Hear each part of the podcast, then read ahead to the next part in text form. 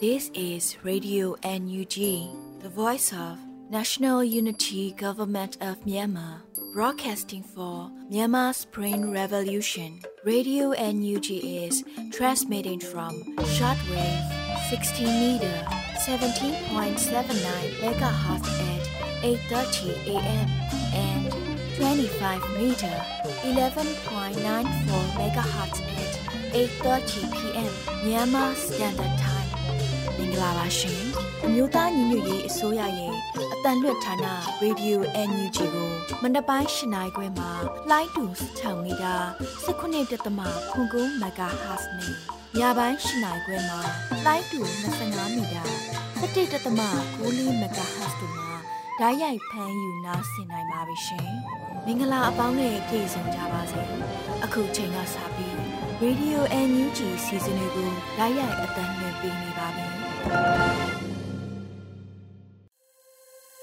မြန်မာနိုင်ငံသူနိုင်ငံသားအပေါင်းတဘာဝပြီးဆရာနာရှင်ပြီးတို့ကနေကင်းဝေးပြီးကိုစိတ်နှစ်ပါးဘေးကင်းလုံခြုံကြပါစေလို့ရေဒီယိုအန်ယူဂျီဖွယ်သားများကဆုတောင်းမေတ္တာပို့သလိုက်ရပါတယ်ရှင်။အခုချိန်ကစပြီးကာကွယ်ရေးဝန်ကြီးဌာနရဲ့စီးရေးသတင်းချင်းချုပ်ကိုတော့မောင်ကျူးမှဖတ်ကြားတင်ပြပေးပါရမရှင်။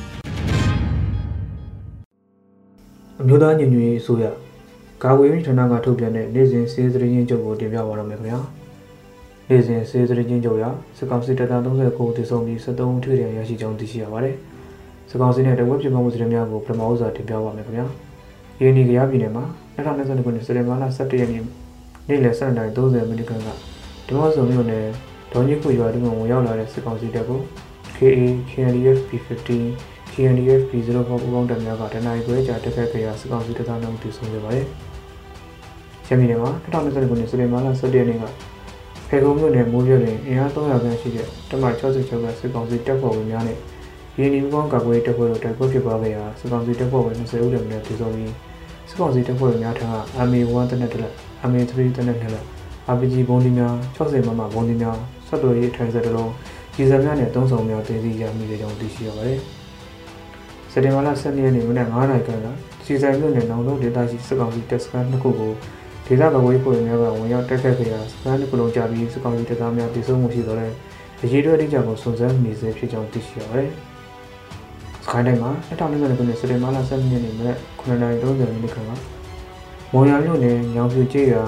မော်ရအမြင့်တောချောင်းကားလမ်းမှာညောင်ဖြူပင်ရဲစခန်းကဈေးဝယ်ထွက်လာတဲ့ရဲနှုံးကိုပြည်သူ့ကာကွယ်ရေးတပ်မတော်မော်ရခရိုင်တရင်ခွန်ဒိုက်ထန်နီ People Defense တပ်ဖွဲ့2တပ်ဖွဲ့3နဲ့တပ်ဖွဲ့5တို့ပူးပေါင်းပြီးပြစ်ခတ်ရှင်းလင်းခဲ့ရာ ရဲနှုတ်တည်ဆုံပြီး G3 တလက်ဦးစီးတလက်ရရှိရပါတယ်။စက်တင်ဘာလ12ရက်နေ့မနက်9:00နာရီခန့်ကမင်းလေးမြို့နယ်စစ်ကောင်စီတပ်သားများတပ်ဆွဲရေးနေရာယူထားတဲ့မြန်မာစီးပွားရေးဘဏ်ကိုပြည်သူ့ကာကွယ်ရေးတပ်ရင်းနှစ်မှဒေတာမိုင်းရဲ့မိုင်းဆွဲတက်ခတ်ခဲ့ကြောင်းသိရှိရပါတယ်။မန္တလေးတိုင်းမှာ2022ခုနှစ်စက်တင်ဘာလ12ရက်နေ့မနက်6:00နာရီခန့်ကဗရီယာမြို့နယ်အေကျုံရွာဘက်ကစစ်ကောင်စီတပ်သားများအင်အား300ခန့်ထပ်ပြီးရေလေကျွန်းရွာကိုလက်နက်ကြီးများနဲ့ပစ်ခတ်ခဲ့ပြီးစစ်ကောင်စီတပ်သားများရေလေကျွန်းရွာကိုမတော်ရင်များနဲ့ကူးလာချိန်မှာ ပြည်သူ့ကာကွယ်ရေးတပ်ဖွဲ့များနဲ့တိုက်ပွဲဖြစ်ပွားခဲ့ပြီး၎င်းတိုက်ပွဲမှာစစ်ကောင်စီတပ်သား15ဦးတေဆုံးပြီး73ဦးထိခိုက်ရရှိခဲ့ပါတယ်။စက်တင်ဘာလ10ရက်နေ့မနက်9:30မိနစ်ခန့်ကဝမ်ဒီမြို့နယ်နန်နန်းကျေးရွာအရှိဘက်မှာပူစောတိခဲ့တဲ့ကွန်မန့်ဒေးအလောင်းကိုရောက်တဲ့စစ်ကောင်စီကားတစ်စီးကိုဝမ်ဒီမြို့နယ်တော်လိုင်းအင်အားစု WTRF အဖွဲ့ကမိုင်းဆွဲတက်ခတ်ခဲ့ပါတယ်။စတင်မာလာ17ရက်နေ့နေ့လယ်12:30မိနစ်ခန့်ကဒွေချင်းမြို့နယ်တကောင်းမြို့ရှိစီနာအောင်ချာရွှေဘုံသာစီ ဦးအောင်စီကဖျားမှာအောင်မြင်လာနေတဲ့စစ်ကောင်စီကားတစ်စီးကိုစစ်ညက်ကုန်းကျေးရွာအဝယ်မှာတကောင်း PDF အဖွဲ့ကဒေတာမိုင်း6လုံးနဲ့ဖုတ်ခွဲတိုက်ခိုက်ခဲ့ပါတယ်။ရန်ကုန်တိုင်းမှာ2020ခုနှစ်စက်တင်ဘာလ17ရက်နေ့ည6:35မိနစ်ကရှီပီတာမြို့နယ်ခန်းမမှာတက်ဆွဲထားတဲ့စစ်ကောင်စီတပ်သားများကိုရှီပီတာ Underground Group SPT UG အဖွဲ့ကဘုံခွဲတက်ခတ်ခဲ့ကြောင်းသိရှိရပါတယ်။စစ်ကောင်စီကကျွလွန်တဲ့ရာဇဝတ်များကြောင့်ကိုဆက်လက်တင်ပြပါမယ်ခင်ဗျာ။မကွေးတိုင်းမှာ2020ခုနှစ် စတင်မာလာ12ရက်နေ့နေ့လယ်ပိုင်းကကံကောမြို့နယ်ဆိုင်လူရွာကိုစစ်ကောင်စီစစ်ကြောင်းရောက်ရှိလာပြီးဆိုင်လူရွာအတွင်းရှိပြည်သူပိုင်နေအိမ်များကိုတိမ်စင်းတိမ်တက်ဝင်ရောက်မှွေတော့ကနန်းအိတ်ဆန်အိတ်နဲ့အခြားပစ္စည်းများစွာကိုခိုးယူနေခဲ့ပြီးဆလဘင်းကားကြီးများအသုံးပြုကခလာရ90ကိုပစ္စည်းများတင်ခဲ့ပြီးပြည်သူပိုင်အိမ်ဝတ်တရိတ်ဆန်များကိုတပ်ဖြတ်စားတော့ခဲ့ပါတယ်။မန္တလေးတိုင်းမှာ2020ခုနှစ်စတင်မာလာ12ရက်နေ့မနက်7:00နာရီခန့်ကမစုံမြို့နယ်ကြောက်တလုံးရွာကိုစကောင်စီတပ်သားများအင်အားအများပြားနဲ့ဝင်ရောက်လာပြီးအဖြစ်မဲ့ လူသမီး2ဦးနဲ့အမျိုးသား2ဦးတို့ကိုဖမ်းဆီးခေါ်ဆောင်သွားခဲ့ပါတယ်။စတေမာလာ17ရက်နေ့ည7:00နာရီကချမ်းမြသာချင်းမြို့နယ်106အေလန်း49လမ်းနဲ့လမ်း50ကျောက်ရှိအိမ်နေနဲ့ကိုစစ်ကောင်စီကား9စီးအင်အားများပြားနဲ့ဝင်ရောက်ခဲ့ပြီးမြို့သမီးနှုံးနဲ့အတူနှုတ်ဆုပ်အရွယ်ကလေးကိုပါဖမ်းဆီးခေါ်ဆောင်သွားခဲ့ပါတယ်။စက်တင်ဘာလ17ရက်နေ့နေ့လယ်2နာရီခန့်ကမြင်းကြံမြို့နယ်စမိကုံဘက်မှပြည်သူ9ဦးကျော်စစ်ကောင်စီတပ်များကဖမ်းဆီးခဲ့ပြီးတပ်ပြည်အရာကပြည်သူ2ဦး ကြီးရွာနဲ့စကျူးရွာဘက်မှပြည်သူ7ဦးတို့ကိုလည်းစစ်ကောင်စီတပ်များကဖမ်းဆီးသွားခဲ့ပါတယ်။စက်တင်ဘာလ17ရက်နေ့မနက်9နာရီခန့်ကကြောက်ဗရောင်းမြို့နယ်စံပြရက်ကွက်မင်းသမီးလမ်းကြားမှာအသက်30အရွယ်လူငယ်တဦးကိုစိုက်ကယ်နဲ့လူစစ်ကောင်စီတပ်များကဖမ်းဆီးခဲ့ပါတယ်။ရန်ကုန်တိုင်းမှာ2020ခုနှစ်စက်တင်ဘာလ17ရက်နေ့ကကောင်းမှုမြို့နယ်တာလန်တစ်ကအသက်50ဝန်းကျင်ရွယ်ဒေါ်မတ်ဖြူပောက်ဆကြီးမကြည့်တန်အာကြီးနဲ့အခြားပြည်သူတို့ကိုစစ်ကောင်စီဖွဲ့များကလာရောက်ဖမ်းဆီးခဲ့ပါတယ်။ စက်တင်ဘာလ17ရက်နေ့ကတကုံမြို့နယ်မြောက်ဝဲမြို့နယ်42ရက်ကွက်ရှေဦးတော်နှစ်လမ်းရှိအိမ်ကိုစစ်ကောင်စီဖွဲ့များကအင်အားအများပြားနဲ့အဲစင်းစစ်ဝင်ရောက်ခဲ့ပြီးပြည်သူတို့ကိုဖမ်းဆီးခဲ့ပါတယ်။စက်တင်ဘာလ17ရက်နေ့ကတကုံမြို့နယ်တောင်ပိုင်းမြို့နယ်မှာ online story နဲ့ Arafat အမေရန်ကားတစ်စီးကိုအရောက်ဆိုင်က၄စီးကတနက်ချင်းတားစီကဖမ်းဆီးခေါ်ဆောင်သွားခဲ့ပါတယ်။စက်တင်ဘာလ17ရက်နေ့ကတာကီရာမြို့နယ်ရှိရက်ကွက်နဝရက်အောင်လမ်းမှာလူလက်ပိုင်းတအုပ်ကိုစစ်ကောင်စီဖွဲ့ဝင်များကဖမ်းဆီးခေါ်ဆောင်သွားခဲ့ပါတယ်။ အခုတင်ပြခဲ့တဲ့နေ့စဉ်စီးရဲသတင်းချင်းချုပ်ကိုရေပြင်သတင်းတောင်ဝင်ခံရတဲ့သတင်းဌာနများကဖော်ပြထားတဲ့အချက်များကိုအခြေခံပြုစုထားတာဖြစ်ပါတယ်။ကျွန်တော်မောင်ကျူပါ။။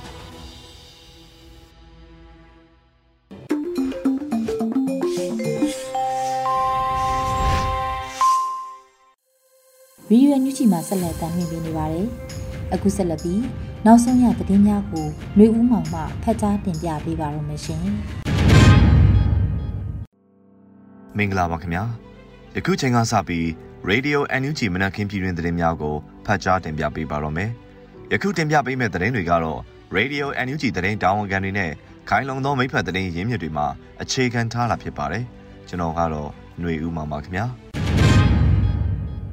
ပထမဦးဆုံးသတင်းအနေနဲ့စကိုင်းတိုင်းရင်းမပင်လူတက်မှုမှာပါဝင်သူများကို လက်နက်ဖြုတ်သိမ်းရေးခရိုင်အဖွဲ့၏အနီးကပ်ကြီးကြပ်မှုနဲ့ဆောင်ရွက်ပေးနေတယ်လို့ကာကွယ်ရေးဝန်ကြီးဌာနကအသိပေးကြေညာခဲ့တဲ့သတင်းကိုတင်ဆက်ပေးပါမယ်။စကိုင်းတိုင်းရင်းမပင်လူတက်မှုမှာပါဝင်သူများကိုလက်နက်ဖြုတ်သိမ်းရေးခရိုင်အဖွဲ့၏အနီးကပ်ကြီးကြပ်မှုနဲ့ဆောင်ရွက်နေတယ်လို့ကာကွယ်ရေးဝန်ကြီးဌာနကအသိပေးကြေညာလိုက်ပါတယ်။စက်တင်ဘာလ12ရက်နေ့မှာအမျိုးသားညီညွတ်ရေးအစိုးရကာကွယ်ရေးဝန်ကြီးဌာနကဖော်ပြပါတယ်။ လက်လုံကျေးရွာနဲ့ပြောင်းပြကျေးရွာကြားပြီးခဲ့တဲ့2021ခုနှစ်နိုဝင်ဘာလကတပြေအေးဆရာတော်ခေါ်ဘိုးတမ်မနီ၏အဖွဲ့မှကာကွယ်ရေးအဖွဲ့ဖြစ်သည့်တိုက်ကောင်းခေါ်ဘိုးဖုံးထက်အဖွဲ့က CDM မပြုတ်လုပ်ထားသည့်မိသက်ရဲဘော်တအုပ်အပါအဝင်စုစုပေါင်း၄ဦးကိုဖမ်းဆီးခဲ့တဲ့ဖြစ်စဉ်ဖြစ်ပါတယ်။အဆိုပါဖမ်းဆီးထားသူများကိုလွှတ်ပေးရန်ကပိုင်ရွာသို့အာမခံလာပေးသည့်ဟီရိုတိုက်ကအဖွဲမှဘိုးထိုက်မောင်နဲ့ရဲဘော်၅ဦးကိုလည်းထပ်မံဖမ်းဆီးခဲ့ပါတယ်။ထိုဖြစ်စဉ်တွင်စုစုပေါင်းလူ၁၀ဦးကို မှားယွင်းစွာဆွဆွဲတပ်ဖြတ်ခဲ့တဲ့ဖြစ်စဉ်ဖြစ်ပါတယ်။ဖြစ်စဉ်မှာဆွဆွဲခံရသူဗိုလ်တံမဏိမောင်ဦးရဲလီနဲ့တိုက်ကောင်းခေါ်ဘိုးဖုံးထက်တို့ဖြစ်ကြပါတယ်။တိုက်ကောင်းမှာ February, March, April လတို့အတွင်းစင့်ခေါ်စာ၃ချိန်ဖြင့်စင့်ခေါ်ခဲ့တော်လဲလာရောက်ဖြေဆိုခြင်းမရှိခဲ့ဘူးလို့ဆိုပါတယ်။တပ်ဖြတ်မှုဖြစ်စဉ်မှာတန်ရင်လေးတာဝန်ခံဆရာဆန်းတဲ့အဖွဲ့မှာအဓိကတာဝန်ရှိသူများဖြစ်တယ်လို့အစီရင်ခံစာကဖော်ပြပါတယ်။ ကျူးလွန်သူများကင်ဆောင်ထားသည့်လက်နက်များကိုဖြုတ်သိမ်းနိုင်ရန်စောင့်ရနေပြီးကျူးလွန်သူများကိုစစ်ဆေးတိုင်ရန်အများဆုံးအကျဉ်းစစ်တရားရုံးဖွဲ့စည်းမယ်လို့ထုတ်ပြန်ပါတယ်ခင်ဗျာ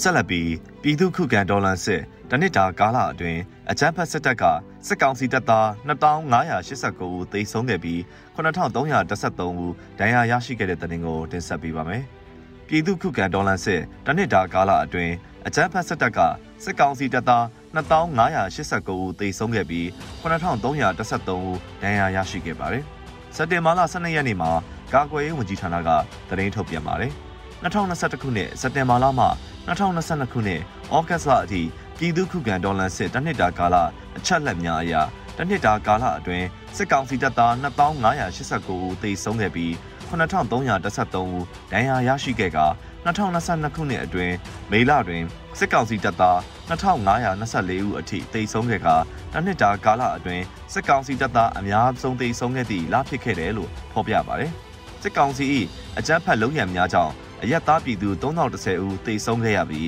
1933ဦးထိခိုက်ဒဏ်ရာရရှိကာ ဖမ်းဆီးထိန်းသိမ်းခံခဲ့ရသည့်အရက်သား14119ဦးအထိရှိခဲ့ပါတယ်။စကိုင်းတိုင်းတွင်စစ်ကောင်စီအရက်သားများအပေါ်အကြမ်းဖက်မှုဖြစ်စဉ်အများဆုံးဖြစ်ပွားခဲ့တယ်လို့ကာကွယ်ရေးဝန်ကြီးဌာနအမျိုးသားညီညွတ်ရေးအစိုးရကအသိပေးကြေညာခဲ့ပါတယ်ခင်ဗျာဆက်လက်ပြီး PDF အဖြစ်တာဝန်ထမ်းဆောင်နေတဲ့ CDM ရဲနဲ့စစ်သား18ဦးကိုဂုံပြူချင်းမြင့်ငွေပေးရခဲ့တဲ့တဲ့တင်ကိုတင်ဆက်ပေးပါမယ်။ PDF အဖြစ်တာဝန်ထမ်းဆောင်နေတဲ့ CDM ရဲနဲ့စစ်သား18ဦးကိုဂုံပြူချင်းမြင့်ငွေပေးရခဲ့ပါတယ်။အမျိုးသားညီညွတ်ရေးအစိုးရကာကွယ်ရေးဝန်ကြီးဌာနပြည်သူ့ကာကွယ်ရေးတပ်မတော်ပြည်သူ့ခုခံတွန်းလှန်စစ်တနစ်ပြည့်အထိမ်းအမှတ်အနေဖြင့်ကံကောခရိုင်အမှတ်3တပ်ရင်းနဲ့အမှတ်5တပ်ရင်းတို့တွင် CDM ဝင်ရောက်လာပြီး PDF ရဲဘော်များအဖြစ်တာဝန်ထမ်းဆောင်နေကြသော CDM စစ်သားရဲသား18ဦးအားဂုံပြုပွဲအခမ်းအနားကိုစက်တင်ဘာလ17ရက်နေ့မှာကျင်းပခဲ့ပါတယ်။အဆိုပါအခမ်းအနားသို့ ကာကွယ်ရေးဝန်ကြီးဌာနပြည်ထောင်စုဝန်ကြီးဦးရင်မောမှဂုံပြုတဝန်လွှာပေးပို့ခဲ့ပြီးတဝန်လွှာထဲတွင်ပြည်သူရင်ဝင်ခိုးလွန်လာတဲ့တပ်မတော်သားများရဲတပ်ဖွဲ့ဝင်များအားလုံးကိုအမျိုးသားညီညွတ်ရေးအစိုးရကပြည်သူသားကောင်းများအဖြစ်မှတ်ယူတယ်။ပြည်သူသားသမီးများပြီးပြီးပြည်သူဘက်ကရပ်တည်ဖို့ပြည်သူနဲ့ပူးပေါင်းဖို့ဆုံးဖြတ်ခဲ့ကြတဲ့ရဲဘော်တို့ရဲ့အသိဉာဏ်ပညာအတွက်လေးစားဂုဏ်ယူကြောင်းပြောခဲ့တယ်လို့ဆိုပါတယ်။ CDN ရဲဘော်များဟာ ကံကောခရိုင်အမှတ်3နဲ့အမှတ်5တပ်ရင်းများတွင်တနစ်နီးပါးတာဝန်ထမ်းဆောင်ခဲ့ကြသူများဖြစ်ကြောင်းသိရှိရပြီးအဆိုပါအခမ်းအနားသို့တိုင်းခရိုင်တာဝန်ရှိသူများတပ်ရင်းမှုများဒုတပ်ရင်းမှုများပကဖပအဖအဖွဲ့ဝင်များတက်ရောက်ခဲ့ကြပါတယ်။ CDN ရဲဘော်များမှ၎င်းတို့ CDN ပြုလုပ်စဉ်ပါလာသည့်လက်နက်များအားအနှံခြင်း CDN ရဲဘော်များအားဂုဏ်ပြုချီးမြှင့်ငွေများပေးရခြင်းများဆောင်ရွက်ခဲ့ကြပါရခင်ဗျာ ဆက်လက်ပြီးຫນွေဦးတော်လန်ရေးဟာနိုင်ငံတကာတော်လန်ရေးတွေနဲ့နှိုင်းယှဉ်ရင်ခရီးရောက်ခဲ့တယ်လို့ကာကွယ်ရေးဝန်ကြီးဌာနအတွင်းဝင်ကဆိုခဲ့တဲ့သတင်းကိုတင်ဆက်ပေးပါမယ်။ຫນွေဦးတော်လန်ရေးဟာနိုင်ငံတကာတော်လန်ရေးတွေနဲ့နှိုင်းယှဉ်ရင်ခရီးရောက်ခဲ့တယ်လို့ကာကွယ်ရေးဝန်ကြီးဌာနအတွင်းဝင်ဦးနိုင်ထူအောင်ကဆိုပါတယ်။စက်တင်ဘာ17ရက်ညပိုင်းမမများနဲ့ပွဲကမယ်ဒေါ်လာရေးစကားဝိုင်းမှာကာကွယ်ရေးဝန်ကြီးဌာနအတွင်းဝင်ဦးနိုင်ထူအောင်ကပြောကြားခဲ့ပါတယ်။အခုဒေါ်လာရေးဟာနိုင်ငံတကာဒေါ်လာရေးတွေနဲ့နှိုင်းယှဉ်ရင်တော်တော်ခီးရောက်ခဲ့တယ်လို့ပြောလို့ရပါတယ်။ ဒါဟာကမ္ဘာသမိုင်းမှာစံထားလောက်တဲ့ဒေါ်လာရေးမှာပါတယ်လို့ပြောလို့ရပါတယ်။ဒါပေမဲ့လက်တွေ့ကျကျပြန်စဉ်းစားကြည့်ရင်ခရီးရောက်တယ်ဆိုပေမဲ့ခရီးဆုံးထိမဟုတ်သေးတဲ့အတွက်ခရီးရောက်တယ်လို့တာယာနေလို့မရသလိုခရီးရောက်တာပဲဆိုပြီးအားဆိုင်မှုတွေလျှော့ဒီတိုင်းထားလို့မရပါဘူးလို့ဆိုပါတယ်။2021ခုနှစ်ဖေဖော်ဝါရီလရက်နေ့စစ်အာဏာသိမ်းမှုနဲ့အတူစစ်အာဏာရှင်စန့်ကျင်ရေးလူထုလှုပ်ရှားမှုများပေါ်ပေါက်ခဲ့ပြီးຫນွေဦးတော်လှန်ရေးဟာစတင်ခဲ့ပါတယ်ခင်ဗျာဆက်လက်ပြီး ထိုင်းနိုင်ငံလကွန်ပထုံခရိုင်ရှိအထည်ချုပ်စက်ရုံတစ်ခုတွင် MOU အလုပ်သမားများဝင်ရောက်လာမည်ဖြစ်၍မြန်မာအလုပ်သမား228ဦးအားအကြောင်းမဲ့အလုပ်ထုတ်ပစ်ခြင်းကိစ္စဖြည့်ရှင်းဆောင်ရွက်ပြီးစီကြောင်းအလုပ်သမားဝန်ကြီးဌာနကထုတ်ပြန်ခဲ့တဲ့သတင်းကိုတင်ဆက်ပေးပါမယ်။ထိုင်းနိုင်ငံနကွန်ပထုံခရိုင်ရှိအထည်ချုပ်စက်ရုံတစ်ခုတွင် MOU အလုပ်သမားများဝင်ရောက်လာမည်ဖြစ်၍မြန်မာအလုပ်သမား228ဦးအားအကြောင်းမဲ့အလုပ်ထုတ်ပြခြင်းကိစ္စဖြည့်ရှင်းဆောင်ရွက်ပြီးစီကြောင်းအလုပ်သမားဝန်ကြီးဌာနကထုတ်ပြန်ပါတယ်။ထိုင်းနိုင်ငံ နကွန်ပထုံခရိုင်အုံရိုင်ဘစ်စီကွန်နိုင်အနီးရှိအထည်ချုပ်စက်ရုံတရုံတွင် MOU အလုပ်သမားဝင်ရောက်လာမည်ဖြစ်သည့်အတွက်ရင်းစက်ရုံ၌လက်ရှိအလုပ်လုပ်ကိုင်နေသောမြန်မာအလုပ်သမား228ဦးအားအကြောင်းမဲ့အလုပ်ထုတ်ပယ်ခံရမှုအပေါ်ကူညီဖြေရှင်းပေးပါရန်တိုင်ကြားလာသဖြင့်အဆိုပါစက်ရုံအလုပ်သမားပြဿနာများကိုတာဝန်ယူဖြေရှင်းရန်အမျိုးသားညီညွတ်ရေးအစိုးရအလုပ်သမားဝန်ကြီးဌာနမှတာဝန်ပေးရထားသည့်ကိုရဲမင်း AAC အဖွဲ့နှင့်ဦးသက်ပိုင်မင်းတို့သည် နခွန်ပထုံရှိအလုပ်သမားဌာနများနှင့်ချိတ်ဆက်၍8ရက်6လ2022ရက်နေ့နှင့်9ရက်6လ2022ရက်နေ့တို့တွင်ရင်းစက်ရုံတို့တွားရောက်ပြီးကူညီဖြည့်ရှင်းပေးခဲ့တယ်လို့ဖော်ပြပါတယ်။စက်ရုံမှကြိုတင်အကြောင်းကြားပဲအလုပ်ထုတ်ခဲ့တဲ့ပြင်အလုပ်သမား168ဦးအတွက်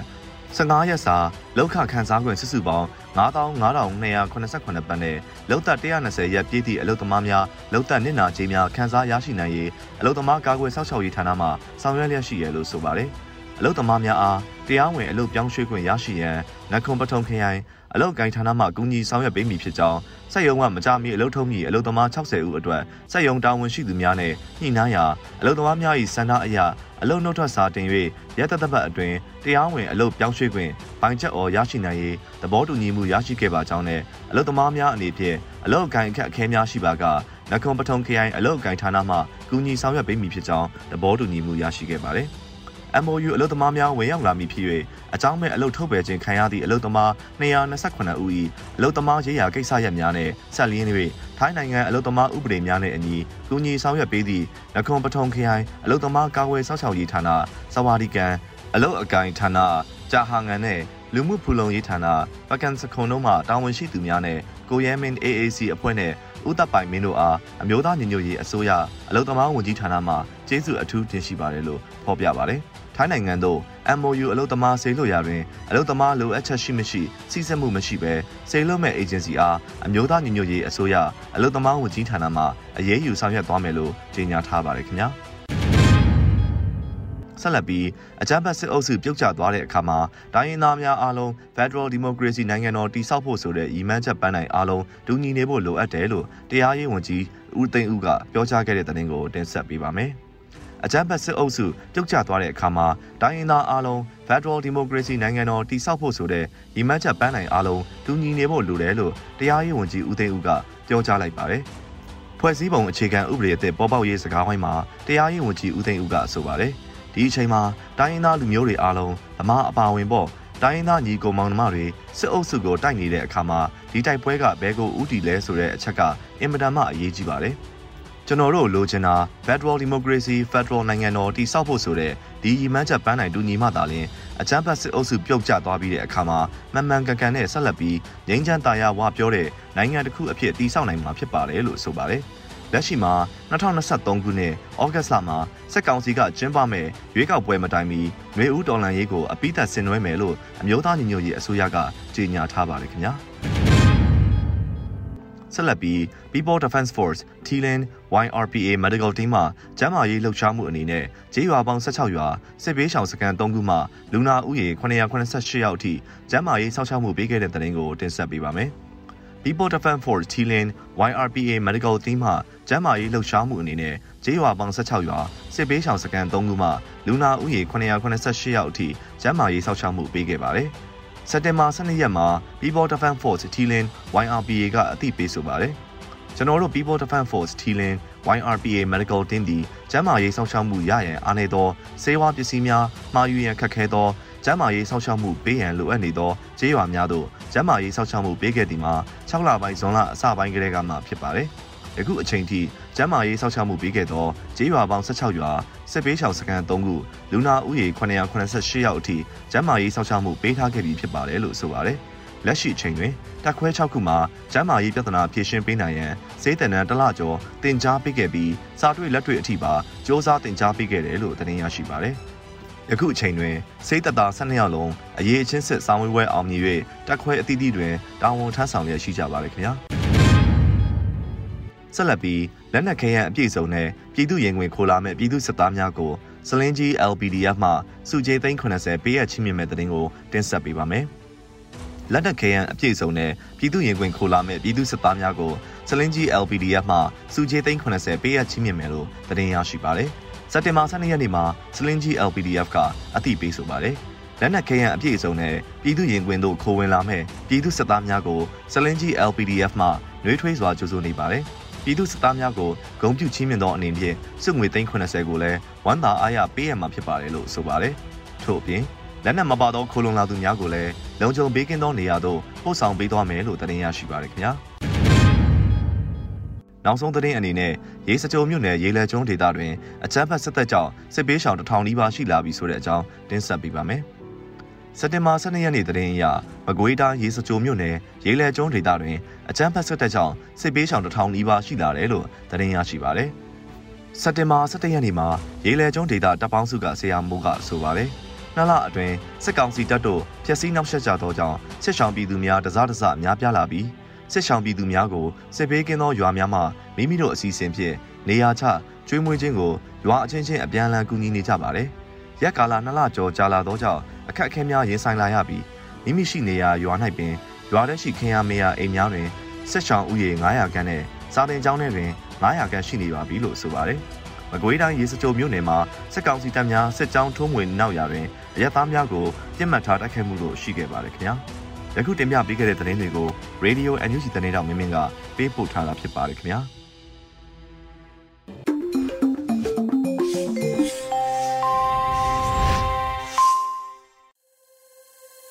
ရေဒီယိုအန်ယူဂျီရဲ့မနက်ခင်းစီစဉ်တွေကိုဆက်လက်တင်ပြနေပါတယ်။ဒီနေ့ရဲ့တော်လှန်ရေးတေဂီတာစီစဉ်မှာတော့တေးတေးဆိုအောင်နေမျိုးရဲ့အင်အားဖြစ်စေဆိုတဲ့တော်လှန်ရေးတေဂီတာကိုနားဆင်ကြရတော့မှာဖြစ်ပါတယ်ရှင်။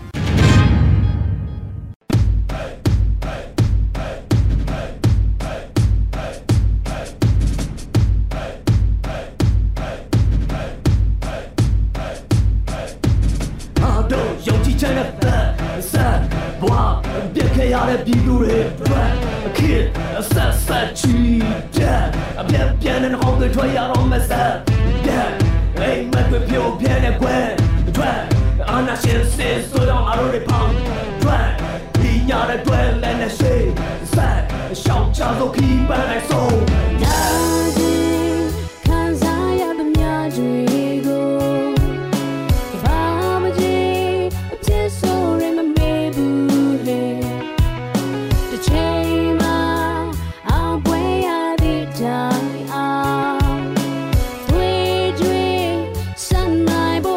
ဖို့တို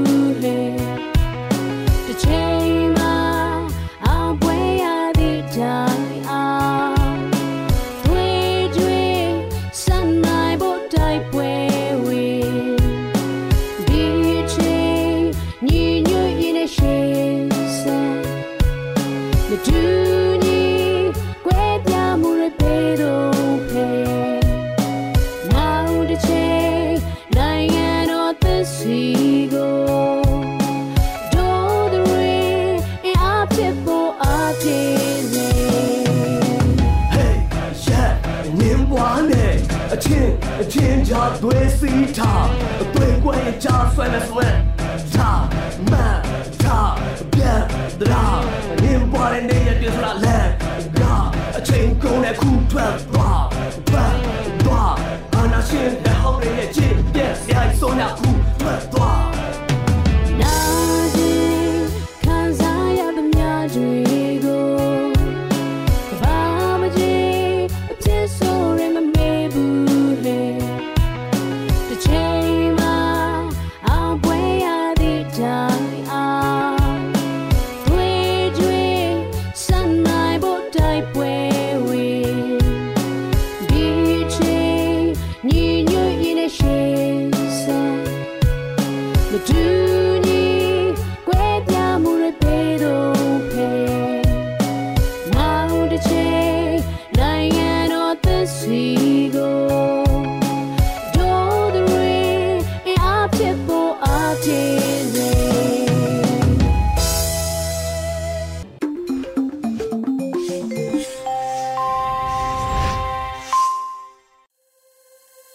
န်ယူဂျီမှာဆက်လက်တင်ပြနေပါတယ်။အခုတခါပြည်သူခုခံစစ်တရင်များကိုနှွေဦးနှင်းမှဖတ်ကြားတင်ပြပေးပါရမရှင်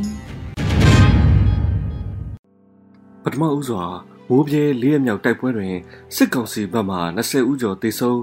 ပြည်သူ့ကာကွယ်ရေးရဲဘော်2ဦးကြဆုံးတဲ့တဲ့ရင်ကိုတင်ဆက်ပါမယ်။ရှမ်းပြည်နယ်ကရင်ပြည်နယ်အဆက်မိုးပြဲတွင်ဖြစ်ပွားသောစက်တင်ဘာလ17ရက်နေ့လေးရမြောက်တိုက်ပွဲတွင်စစ်ကောင်စီဘက်မှ20ဦးကျော်သေဆုံးကြောင်း KNDF ကသတင်းထုတ်ပြန်ပါတယ်။စက်တင်ဘာလ17ရက်နေ့နနက်9:00နာရီမှစ၍မိုးပြဲမြို့ပွဲကုန်း3ရက်ကွက်ဖျားချောင်းဝင်းအနီး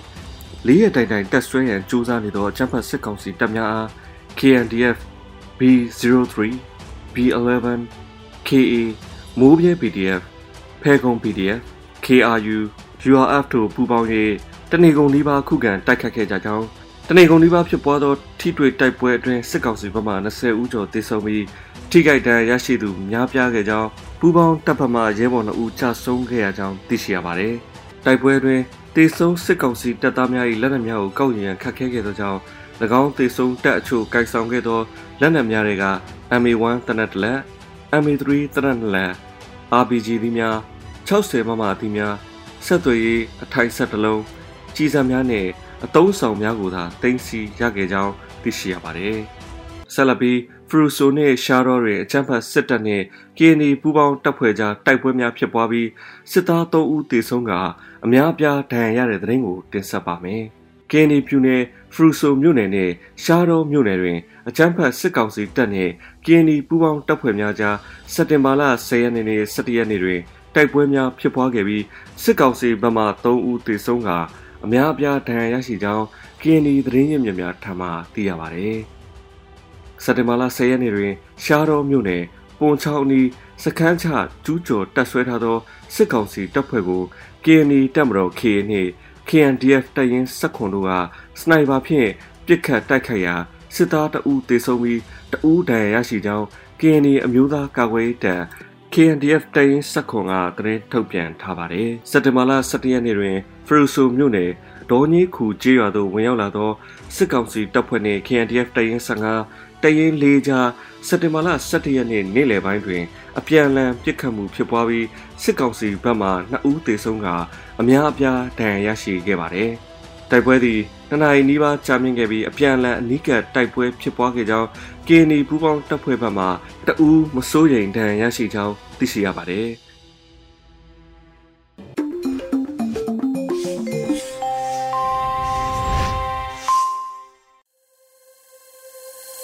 ။ဗီဒီယိုအန်ယူဂျီပရိသတ်တွေအတွက်ကူးဆက်လက်ပြီးထုတ်လွှင့်ပေးမယ့်အစီအစဉ်ကတော့ PPTV ရဲ့နေ့စဉ်သတင်းများဖြစ်ပါတယ်။ထက်ထက်အင်ဒရာအောင်မှဖတ်ကြားတင်ပြပေးပါရမရှင်။ အခုချိန်ကစပြီး PPTV သတင်းတွေကိုတင်ဆက်ပြီးတော့မှာပါကျွန်မထထအိရာအောင်ပါ